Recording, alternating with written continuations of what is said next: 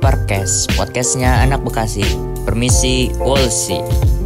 Oke, halo guys. Uh, kembali lagi dengan gue di sini, aka Faras di sini, uh, yang akan menemani bincang permisi atau permisi podcast ini selama 30 menit ke depan. Oke, jadi gimana nih kabar kalian? Apakah kabarnya baik-baik aja? Atau ada yang lagi sedih nih gara-gara nggak bisa ketemu gebetan, gara-gara lagi pandemi? Tenang aja, karena di sini gue bakalan menghibur kalian dengan sebuah lelucon yang mungkin menurut kalian akan lucu, oke? Enggak sih sebenarnya garing. Oke, oke. Jadi lanjut aja. Uh, pada kesempatan kali ini kan kemarin Uh, di episode yang kemarin kita udah ngebahas tentang silsilah atau definisi dari abang empok di permisi gitu kan. Nah sekarang kita bakalan bertemu atau berbicara, mengobrol, berbincang-bincang, skut, skut parah gitu kan, berbincang-bincang dengan salah satu alumni dari himpunan permisi yaitu perhimpunan mahasiswa dan mahasiswi Bekasi yang berkuliah di Telkom University gitu kan. Nah Uh, sedikit aja perkenalan tentang alumninya. Jadi uh, alumni itu kebetulan satu jurusan dengan gue jadi kalau misalkan buat teman-teman yang belum tahu, jurusan gue itu jurusan S1 Teknik Telekomunikasi tahun 2019. Dan kebetulan beliau adalah kakak tingkat yang keren banget nih, yang hits banget. Dan sekarang itu dia masih berkuliah di Telkom University gitu kan. Oke, daripada lama-lama, jadi mendingan kita langsung cus aja ke pembahasannya. Jangan lupa gue stay tune terus di Permisi Podcast, oke? Oke, Bang. Apa kabar? Assalamualaikum dulu dong. Waalaikumsalam. Oh. Salam, salam nih. Gue aja deh. Assalamualaikum, Bang. Waalaikumsalam. Gimana nih Bang kabarnya? Alhamdulillah. Alhamdulillah. Gimana nih Bang? Coba uh, mungkin dari teman-teman ya ada yang belum tahu nih tentang Abang. Coba perkenalan diri dulu dong. Oke oke. Ya Pak, nama basic pasti dari nama kan nama Iya. nama gua. Ya mungkin bocah-bocah permisi udah tahu, mungkin tapi penonton belum pada tahu kan. Iyo, Yoi. Nah, nama gua Iqbal. Tadi jurusannya eh, sama kayak Faras, tapi cuttingnya asik. eh, dari angkatan 2017. Hmm. Oke Bang. Terus kalau misalkan sekarang-sekarang kan lagi pandemi Bang. Kesibukannya apa sih? Kalau dari lu sendiri? Ya, selayaknya mahasiswa ya. Oh, Anjay. gimana gimana? ya kita pasti uh, ada kuliah walaupun gua di tingkat akhir mah uh, masih ada kuliah beberapa nggak beberapa sih sebenarnya satu mata kuliah doang sisanya sibuk Apa tuh? ya lu tau lah Apa? urusan urusan mahasiswa tingkat akhir Oke oke. Berarti udah bentar lagi udah mau lulus nih ya Bang ya? amin Amin. Doain ya teman-teman semua harus doain. Pokoknya ntar lagi udah harus lulus, oke? Nah, terus kalau misalkan kita berbicara tentang Telkom, Abang kan ibaratnya udah mau lulus nih. Pasti uh, banyak banget nih memori-memori yang ada di Telkom dong. Nah, coba dong Bang, ceritain nih gimana kalau misalkan awal mula lu kuliah tuh gimana sih di Telkom tuh? First impression lu gimana di Telkom? Gitu. oke Uh, first impression ya Telkom sebenarnya gua uh, alasan masuk Telkom ya basic bocah-bocah SMA sih pasti kan Hmm. kalau swasta buat cadangan Iya. Nah, tapi kayak keterusan Oh, keterusan. pas udah tahu dapet telkom Hmm. ya bocah abis beres UN cuman main game Bisa. akhirnya ya swasta swasta juga Oh, gitu. terus kebetulan juga telkom eh gue keluarga kan pakai simpati ya jadi Oke, Ini oke ya, jadi berdasarkan provider ya bang ya. Iya. Oke, boleh boleh boleh boleh banget. Nah terus kalau misalkan kuliah nih bang ya, berarti sekarang lu udah berapa tahun bang kalau kuliah? eh, masuk 2017 sekarang di ada di semester 8 sih Oh ya berarti pas lah ya, pas pas saya Iya. jurusannya teknik kan, teknik kan terdengarnya kan keras ya bang. ya. Aduh. Nah, jadi buat teman-teman semua hati-hati kalau yang masuk teknik emang teknik agak keras. Ah, Oke, jadi lanjut aja. Kalau misalkan waktu dulu di Telkom nih bang, kan waktu masih maba tuh belum tahu apa-apa. Nah itu kalau misalkan abang sendiri tuh ngadepin lingkungannya tuh gimana sih? Telkom kan baru nih, apalagi Bandung gitu kan. Ah, Gimana tuh? ya jujur gue eh, untuk kuliah kan pertama kali nih jauh dari orang tua kita Iya. Eh, zaman-zaman bocah SMA terus tiba-tiba harus eh, ngerantau jauh dari orang tua yang tiba-tiba misal lu bangun pagi-pagi nih bangun udah ada sarapan kan di meja makan. Nah kalau ngerantau ini ya lu harus bisa mandiri sih bro.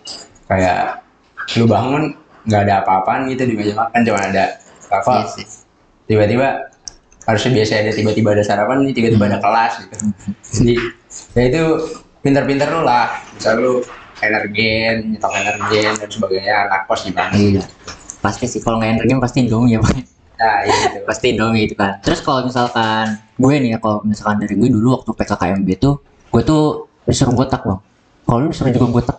oh iya di KKMB mungkin Lu Gimana? bisa jelasin nggak tuh apaan tuh PKKMB? PKKMB itu ibaratnya itu adalah perkenalan kehidupan kampus mahasiswa baru gitu kan. Jadi PKKMB itu ibaratnya tempat di mana maba-maba bergerombol terus udah gitu eh, mengenal lingkungan Telkom gitu kan. Bener gak? Iya, dong. Kalau misalkan waktu lu PKKMB MB-nya gimana tuh? Eh, jadi PKKMB banyak aturan kan. Salah satunya yang tadi Iya. disebut kita harus satu dua satu. Iyo, Tahu pala botak. Jadi biasanya kalau di Telkom kan ya. eh, Mantap. kayak habis umroh gitu. Palanya botak terus bergerombol rame-rame bocah maba itu identik lah karakter maba pasti botak bergerombol kan biasanya disebutnya kalau di Telkom. Hmm. Nah jadi kalau PKKMB itu seingat gue ya waktu itu eh, berlangsung selama tiga hari. Hmm. Terus lu apa tuh proses itu lama tuh. Jadi lu mulai jam 3 pagi bangun. Nah itu ntar beres-beres baru sore. Nah itu pas bangun juga seru sih. Nggak mungkin lu nggak bangun. Jadi eh, kan kita pertama-tama maba kan tinggalnya di asrama ya. Oh iya bang di asrama bang. Iya, gue waktu Oh. itu di asrama. Jadi teman-teman nih kalau masuk Telkom terus tahun pertama pasti eh, otomatis masuk asrama. Kalau itu masih ada sih. Hmm. Maksudnya eh apanya tuh jumlah asrama kan yang masuk Telkom kan banyak banget. Banyak ya. banget parah. Telkom memang terbaik. pada ngantri. Nah, mungkin asramanya terbatas jadi eh mungkin nggak semua masuk asrama tapi mayoritas pasti di asrama tinggalnya. Hmm. Tapi kalau buat yang gak masuk asrama itu gimana bang? Tinggal. ya mau nggak mau sih lu lu di awal pasti udah tahu nih lu dapet asrama atau enggak dari website Telkomnya. Jadi wah ternyata gua nggak dapet asrama nih. Ya udah eh, lu beralih lah langsung menjadi bocah kosan atau Asik, mungkin lu punya saudara di Bandung. Itu ya eh, segimana lu nya aja gitu. Jadi kan Hmm. kalau asrama kita juga bayar kan di situ. Hmm. maksudnya mungkin bayar nggak semahal si kos ya si ngekos sendiri. Asrama itu bayar terus kita juga satu kamar empat orang jadi bisa dibilang lebih murah lah gitu Hmm. Gitu. Terus kalau misalkan, kalau gue ya waktu tahun gue itu gue bangun itu jam 2 pagi. Ingat banget gue, gue dikumpulin di depan gedung apa sih namanya convention hall gitu kan, tau gak sih bang yang iya. gedung keong? Nah, Iya, itu iya. gue dikumpulin di situ jam 2 pagi gitu kan. Bayangin gue dari, gue kan ngekos dulu ya. Jadi gue bangun jam 1 pagi, langsung mandi, langsung otw ke sana gitu kan pagi-pagi. Udah mau botak kan, gak boleh pakai jaket. Terus udah gitu, pas kan dingin banget ya gitu kan. Terus sampai sore gitu. Nggak enak banget sih itu. oh jadi lu kagak kali sama asrama nih Enggak, enggak ikut asrama langsung kos. jadi sih paling kalau di asrama tuh PKKMB juga pasti rame lu si Bangun. panitia buatnya udah ke asrama gitu bro jadi ada yang sampai masuk ke gedung asrama lu ngedorin lu Iya, bangun iya. bangun bangun Banyak Terus- ceritanya.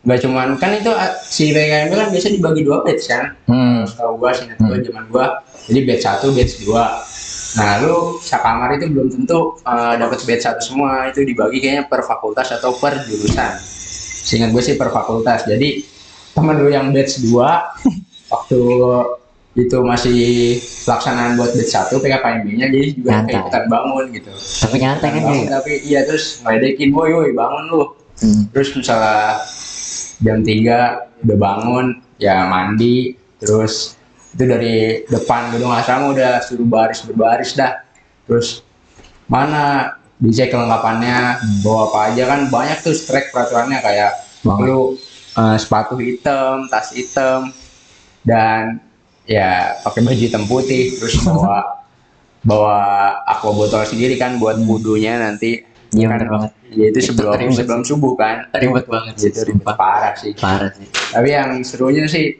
kan itu tiga hari ya waktu Mm-mm. gua di batch satu.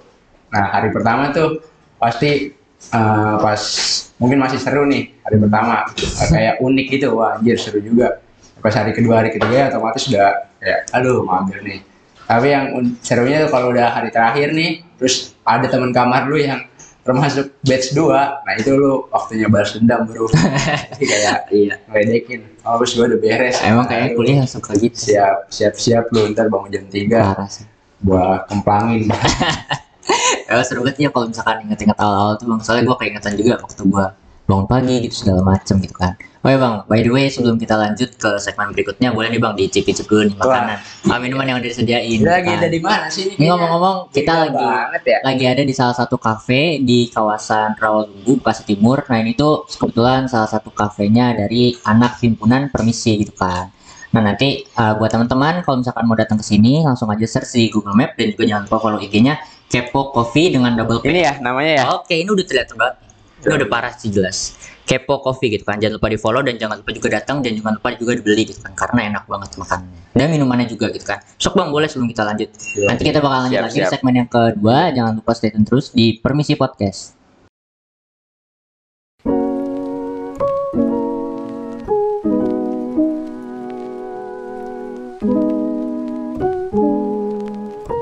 Ay, ay, I walk around like that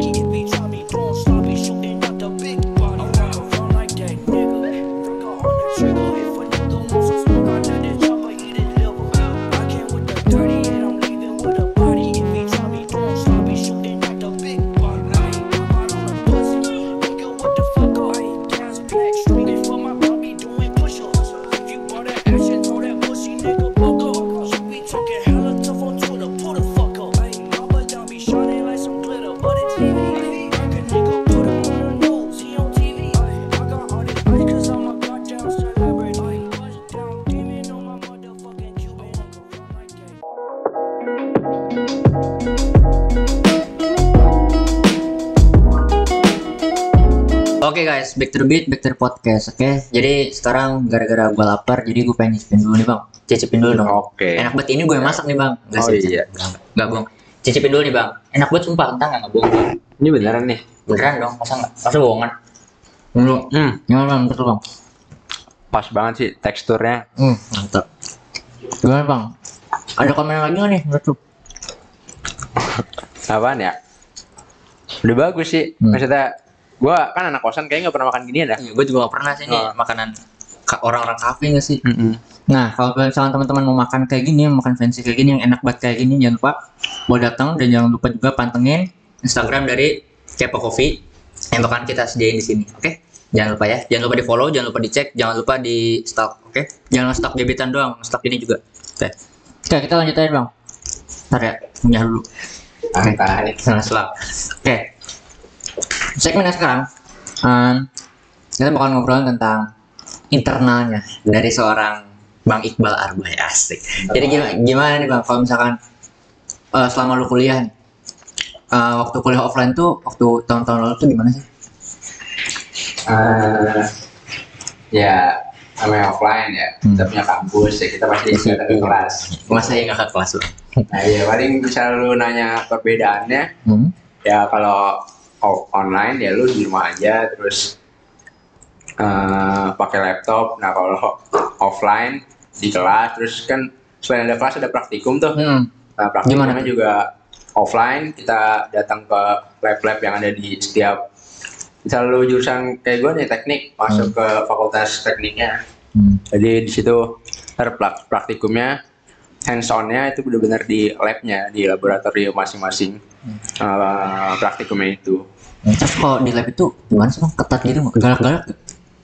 ya itu sih kalau dibandingin ya kalau kelas sama lab jauh sih strike-nya si peraturannya lab lebih parah kayak misal lu lupa pakai misal dia udah nyantumin nih kan ada sebelum praktikum dimulai nih di semester baru ada namanya running module nah situ ntar kan tiap-tiap uh, lab dari praktikum yang kita jalanin kan masuk tuh kayak kita dikumpulin di suatu ruangan atau suatu kelas terus mereka uh, ngasih tahu tuh ngejabarin SOP-nya mereka gimana aturannya apa. Misalnya ada aturan lu harus pakai gesper. Hmm. Nah, kan kalau di kelas kan bebas ya dosen nggak bakal ngecekin hmm, bocah pakai gesper apa kagak? Iya, nggak mungkin juga sih. kan kayak si penting banget ya.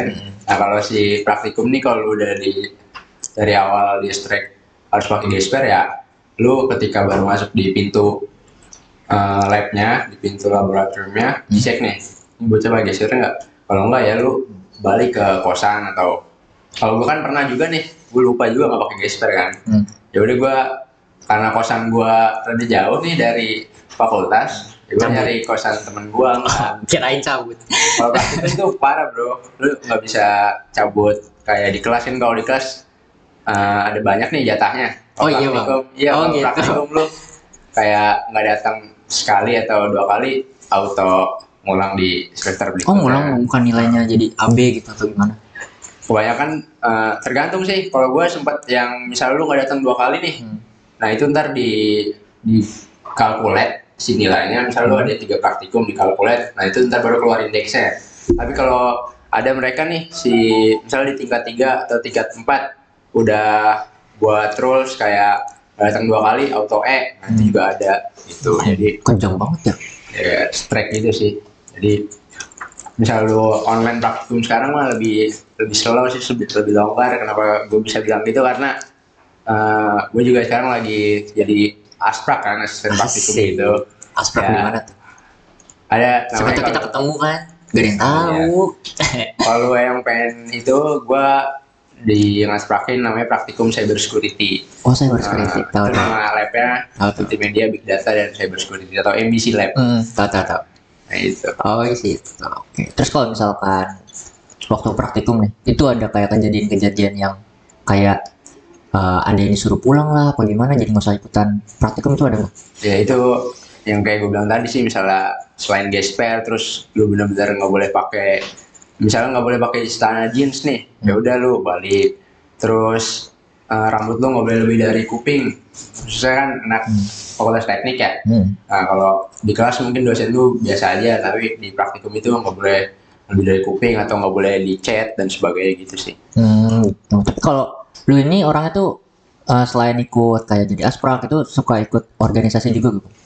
Eh, ya organisasi ada beberapa sih yang gue ikutin Sebut dong. Oke, yang Kepo pertama nih yang paling, yang paling keren nih. Spill dong, yang spill. pertama kali gue ikutin namanya Apa nih? ya lu, lu tau lah permisi tell you itu tuh ya mungkin teman-teman bisa belum nonton eh belum tahu silakan tonton podcast yang sebelumnya nih. Eh, atau mungkin awalnya ntar ada di sini ya Oke, Eh, ntar langsung. silakan Tidak tahu. awalnya terus instagramnya nah ini permisi tell you ya Hmm. Eh, perkumpulan atau komunitas si mahasiswa-mahasiswi Bekasi kan Hmm. nah ini yang pertama gue ikutin di Telkom terus setelah udah nyari ilmu lah Asik nyari ilmu. tentang organisasi Hmm? di komunitas daerah gue nyoba ikut kepanitiaan-kepanitiaan di jurusan gue jurusan lu juga sih Iya, sebenarnya. jurusan kita bang sebenarnya bang. ya kalau di jurusan ya gue ikutin tak proses kaderisasinya Hmm. waktu gue yang di kader yang di apa tuh dibimbing. Nah terus gue juga jadi panitia kadernya. Setelah ada adik-adik gue masuk Telkom yang angkatan 18 gue yang ngekaderin. Nah terus eh, macam-macam dah proses sama ya terakhir gue ikut eh, laboratorium sih jadi Oh, laboratorium. asisten praktikum dan riset gitu. Hmm. Nah itu kalau dari kan abang banyak ikutnya. Ada tadi ada permisi, ada yang dari himpunan jurusan, terus ada juga yang dari praktikum. Nah itu dari setiap ketiga-tiganya itu ada kayak makrab tersendiri gitu nggak sih? eh totali sih ada sih tiga-tiganya. Oh, ada. Jadi ya misalnya kalau di permisi nih, di permisi tuh misal lu ikut kader, nah biasanya di end of prosesnya, di akhir prosesnya itu Hmm, Asik, keren ada namanya eh, ya malam malam puncaknya atau malam kegerapannya. Terus saat- selain di kader kan, kader itu kan salah satu proker ya program kerja di permisi. Nah ada juga program kerja di permisi yang khusus makrab atau malam kegerapan buat si eh, Pengurus. eh, pengurus juga ada terus anggota aktif maupun pasif yang di luar rangkaian kaderisasi itu juga ada Kalau buat umum ada bang? buat umum ada sih jadi setiap tahun kita ngadain makrab waktu zaman on- offline ya Hmm. kan zaman Iya. sekarang ada sekarang susah bisa gitu. makrab, Bang. Nah, makrabnya via zoom atau via google meet paling Hmm. dulu ngobrol sampai jam 3 paling di situ Waduh. Nah, jadi kalau di permisi ya tadi makrab umum kita ngundang ya adik-adik kita juga terus eh, alumni dan macam-macam dah di situ. Ada banyak. Hmm, gitu. Terus kalau misalkan dari yang laboratorium itu makrabnya gimana? Eksperimen apa? Gimana? Wah, enggak. Laboratorium juga sebenarnya yang gue pelajarin nih eh, selama ikut organisasi Hmm. setiap kan sebelum masuk pasti ada filtering nih semuanya nih. Kayak study group bukan sih? Eh, study group juga ada. Heeh.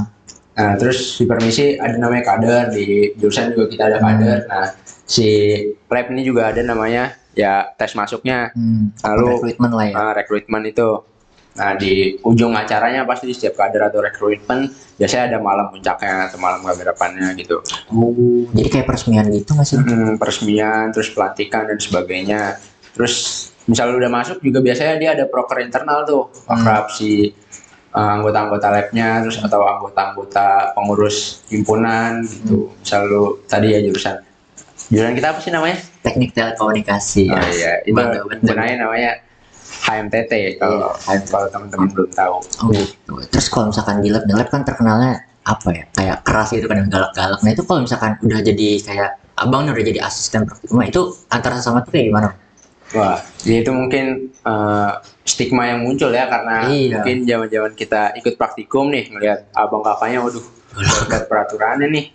Nah, kalau lu udah masuk di lab itu, ini yang setahu gue ya, gue Hmm. bicara untuk mungkin wakili eh, pengalaman gue di lab yang MBC itu ya, Hmm. lu kalau udah masuk ya kayak keluarga juga sama kayak di permisi. Hmm.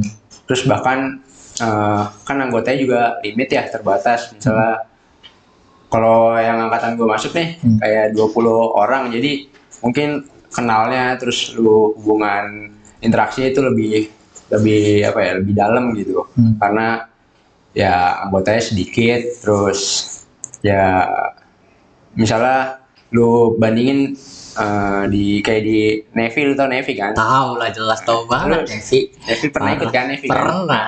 itu kan ada beberapa divisi kan Iya. ada divisi roadshow terus divisi ya macam-macam nah itu biasanya yang divisi ya jumlahnya lebih sedikit mungkin lebih itu sih lebih kayak lebih ak- akrab gitu karena ya interaksinya nah, interaksinya kan nggak terlalu lebar nih lebar gitu Hmm.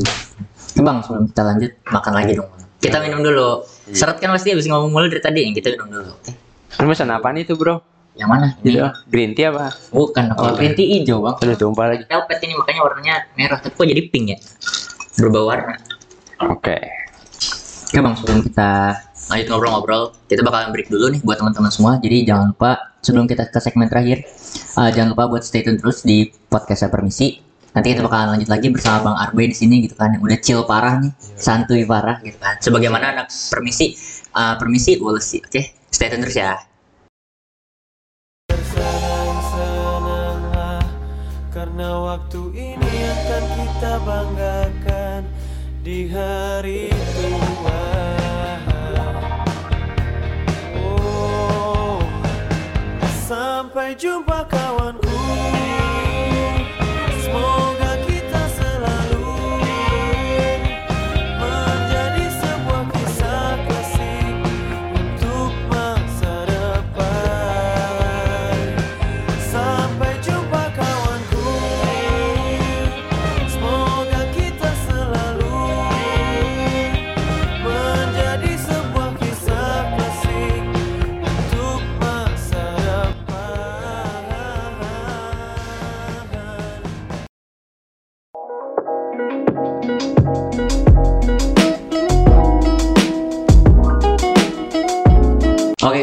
jadi balik lagi sama gue nih.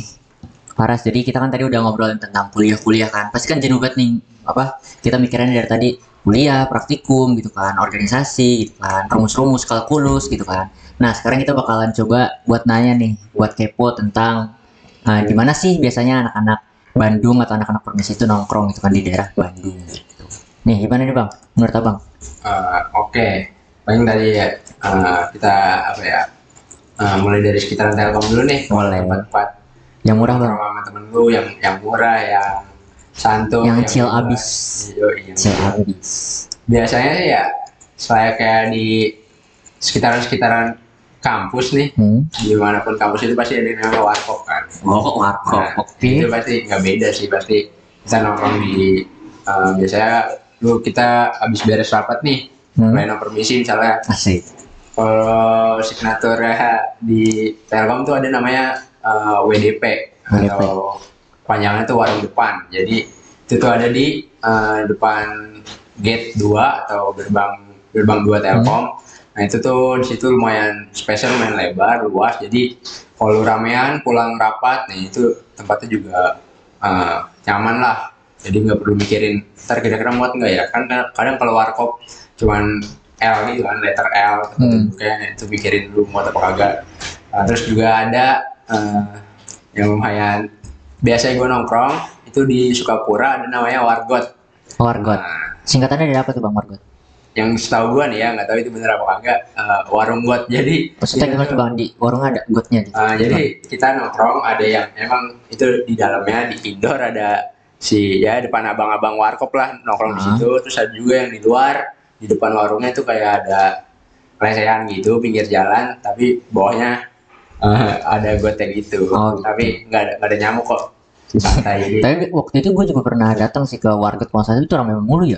Gak pernah itu rame mulu sih. Jadi kalau balik rapat jam 10 kayak waduh lu udah feeling nih kayaknya warga penuh deh. Ya udah lu milih WDP atau tempat yang luas lagi. Sebenarnya ada sih eh, bukan warkop tapi eh, menurut gue lumayan bagus tuh eh, pancong namanya Asik Nah, kan pancong. lu- Gimana tuh? pancong kan itu makanan ya orang-orang bilang kayaknya khas Bekasi ya Iya, tapi parah. di sekitaran Telkom tuh ada namanya warung pancong warung pancong ayam apa gitu jadi dia kalau pancong di Bekasi biasanya jualan pancong doang nah di sini dia banyak ada lu bisa paket A paket B tuh isinya ayam nasi telur dan sebagainya gitu Oh, berarti signatur tongkrongan dari anak-anak permisi itu di warung pancong. Ya? iya sebenarnya ya yang main identik sama Bekasi si pancong itu. Tapi kalau anak-anak permisi biasanya kalau abang sendiri tuh suka banget ke pancong. Eh, lumayan sih. Eh, tergantung moodnya bocah-bocah aja kali. Kalau pengen yang indoor ya kita pancong misalnya rada-rada waduh ini udah ada gerimis sedikit nih pancong aja. Kalau kalau suasananya santai ya warga atau WDP atau mungkin ada namanya kue balok bro. Yang lumayan. Oh baru itu ya? ya yang Baru. Gede itu tempatnya jadi nyaman juga kue balok jarang banget kan kayak edukasi nah itu di sekitaran Telkom baru buka tuh ya ada ya sejenis coffee shop coffee shop itu juga banyak sih di daerah daerah Telkom gitu Nah itu kalau coffee shop itu kan biasanya identiknya sama mahal tuh bang. Nah kalau di dekat Telkom itu gimana harganya? Sama atau murah atau gimana? ya relatif sih ada yang kayak murah gini kayak kepo cafe ini ada yang murah Udah gitu ini enak. ada juga yang ya standar misalnya range 20 sampai 30 gitu juga ada sih macam-macam Nah kalau disuruh ngurutin nih dari yang terbaik sampai yang ya biasa aja. Abang milihnya kira-kira gimana? Dari yang terbaik dulu nih. Waduh, kalau ngurutin ya itu selera sih ya bro ya kalau ngurutin gitu. Tapi gue karena kosan gue di Sukapura terus dekat sama Wargot, nah Ngerti gue biasanya di Wargot. Nah, jadi Wargot tuh ada di Sukapura. Jadi gue milih Wargot yang lumayan gue sering eh, ngopi atau ngobrol-ngobrol sama anak-anak permisi, anak-anak mungkin teman kelas gue. Nah, itu Wargot terus mungkin kalau nyari yang nggak pusing kira-kira penuh nggak tempatnya nih ada WDP gue biasanya jadi dia itu panjang lebar Eh, jadi cukup lah lu mau bawa 15 orang 20 orang berikan di situ santai ya, saya di bawah. Nah terus bang, kalau itu kan di dekat Telkom ya. Kalau di daerah Bandung sana itu di Bandung kota tuh kan banyak biasanya. Pusat tuh biasanya Telkom. Itu gimana? Di mana biasanya? Hmm, Bandung kota ya ya sebenarnya kalau lu pengen tahu lebih banyak sih lu buka Instagram Explore Bandung di situ kelihatan semua tuh Oh iya. Nah, si tempat-tempat nongkrong di Bandung apa aja tapi kalau gua khususnya biasanya sama bocah-bocah permisi juga. Kita tuh ke daerah DU namanya di Pati Ukur. Hmm. nah itu lumayan ya jalanan panjang isinya makanan cuma makanan terus coffee shop juga ada. Kebanyakan di situ sih eh, menu yang paling baik dijual itu dimsum bro. Dimsumnya Dimsum murah bang. yang murah ada yang lumayan tempatnya udah apa ya indoor kayak coffee shop eh kayak cafe ini yang keren gini ya rada mahal Mantep banget ya. Oh gitu. Terus kalau misalkan selain di DU, biasanya anak-anak permisi itu nongkrong di mana? Gue dengar-dengar sih waktu itu katanya sering ke mana sih namanya 372 ya bang? oh iya tiga tujuh dua lumayan juga sering itu sebenarnya kalau nongkrong kan eh, relatif selera bocah mau ke mana ya jadi pilihannya banyak sih sebenarnya ada di DU ada 372 atau lu mungkin mau ke daerah eh, apa sih itu namanya yang atas atas itu Dago. Eh, dago dago pakar Terus ya? Punchlut, yoi, punchlut itu kan lumayan itu juga tuh sekalian riding malam kan kane tuh. Pulang-pulang masuk angin ya bang? Pulang-pulang masuk angin, pakai jas hujannya sih walaupun nggak hujan. Saran gua gitu. Oh gitu bang. Nah, terus kalau misalkan menurut lu bang, kalau misalkan kita sebagai mahasiswa ya, uh, kalau dari lu sendiri nih, kalau misalkan kan banyak nih mahasiswa tuh yang tiap harinya tuh nongkrong gitu kan. Itu menurut lu gimana bang?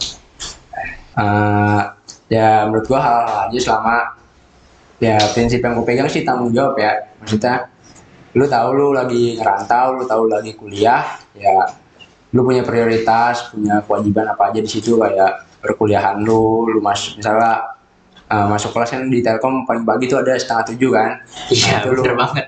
kalau lu emang eh, goblin atau apa yang buat sampai tahan begadang sehari dua hari ya. Nggak masalah nongkrong pagi terus langsung berangkat kelas. Kalau bisa fokus ya dalam kelas nggak apa-apa. Tapi kalau nggak bisa fokus ya mungkin di weekend aja atau lu batasin jamnya tuh kayak jam 10 jam 11 sudah balik lagi ke kosan atau kontrakan lu terus ya tidur buat menyambut eh, kelas pagi itu. Karena menurut gua kalau di semester semester awal sih paling banyak itu kelas-kelas eh, pagi yang setengah tujuh kalau Banyak itu banget, Bang. parah dari Parah. zaman zaman SMP Gue banget kelas kan. setengah tujuh emang tuh gak enak banget sih bang. Heeh.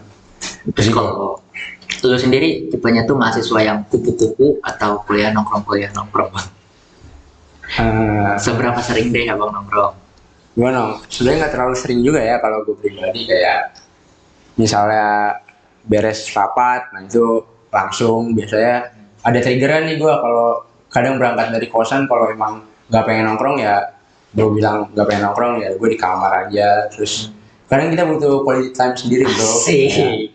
boleh boleh. mungkin punya hobi eh, main game di kamar lu jadi lu milih untuk nggak nongkrong dulu ya it's okay. Jadi menurut gua tergantung prinsip sih terus ada tanggung jawab ada prioritas lu lu ya lu tentuin aja gimana pasnya gitu. Tapi kalau menurut uh, lu nongkrong itu perlu nggak sih lu? Ah, ya pa- pasti perlu sih lu pasti dapat banyak apa ya banyak manfaat juga ya manfaat seenggaknya lu ketemu sama teman lu ngobrol terus ngelepasin penat sih itu yang paling itu gua rasain dari semangat apa tuh efek nongkrong jadi bukan sumpek nih kuliah lagi Iya, misalnya banget. Senin Selasa Rabu Kamis Jumat kuliah terus-terusan sampai mungkin ada yang dapat apes kelas Sabtu kayak pramuka nah itu Oh, masih ya, ada bang pramuka? Enggak maksudnya masuk hari Sabtu bro kayak orang pramuka waktu SMA Oh gitu. iya iya iya. Kan ada kan pernah dapet kelas Sabtu nggak sih? Pernah pernah. Nah, Sampai sekarang. gua. Nah iya kan sedih banget itu jadi ya lu ituin lah lu kalkulasiin pers- eh, nongkrong kapan misalnya seminggu tergantung mood lu dan tergantung eh, Kondisi finansial kondisi ya kondisi sih? Iya kan? itu juga penting sih Iya kan. Oke deh. Oke deh sip. Uh, paling berhubung waktunya udah habis juga gitu kan. Jadi mungkin kita cukupin dulu nih buat episode yang kali ini. Nanti kalau misalkan teman-teman ada yang mau ngobrol-ngobrol lagi, nanya-nanya tentang Bang Arbay, bisa banget nanti tinggal kontak aja ke Instagram official permisi. Nanti bakal disambungin langsung sama Bang Arbay. Gitu. mantap Gimana Bang? Ada kesan-pesan kan nih buat teman-teman yang nyaksiin? eh ya eh, thank you banget nih buat teman-teman yang udah nonton YouTube ya permisi ya selalu mau lu subscribe atau enggak tapi saran gue lu subscribe sih terus like likein videonya apalagi yang podcast ini nih yang pembawa acaranya si Paras keren parah ya paling pesan gue sih kayaknya permisi dikit lagi mau ada Apa tuh? kayak itu dah regenerasi Asik, atau regenerasi ini recruitment. paling gue. Nah, teman-teman angkatan 2020 khususnya ya Hmm. yang pengen lebih kenal sama uh, mahasiswa-mahasiswa Telkom dari Bekasi terus ya itu ter lebih mempermudah untuk lo adaptasi sih. Baik di Telkom maupun di Bekasi itu sendiri lu ntar lu nggak berani pulang bareng ke Bekasi biasanya lu ngomong aja di grup ada yang pengen pulang nggak hari ini atau minggu depan? Nah itu biasanya bocah-bocah pada nyaut terus. Ya banyak info atau manfaat yang dapetin sih. Jadi jangan lupa daftar bro. Rekrutmen permisi harus banget sih. Harus banget ya harus banget daftar. Oke guys. Jadi mungkin segitu aja nih buat episode permisi podcast kali ini. Jangan lupa buat stay tune terus di official instagramnya permisi at permisi.lu dan jangan lupa juga buat nonton permisi podcast di Spotify dan di YouTube official permisi yaitu permisi Telkom sampai jumpa di episode selanjutnya. Jangan lupa untuk saksikan terus. Dan jangan lupa untuk jangan lupa kangen sama gue. Jangan lupa bahagia. Jangan lupa senyum. Jangan lupa buat main. Tapi jangan keseringan soalnya pandemi jangan lupa juga buat jaga kesehatan. Pokoknya jangan lupa segala hal jangan lupain. Gue oke makasih banyak semuanya teman-teman. Uh, gue pamit undur diri dan juga bang Arbe di sini.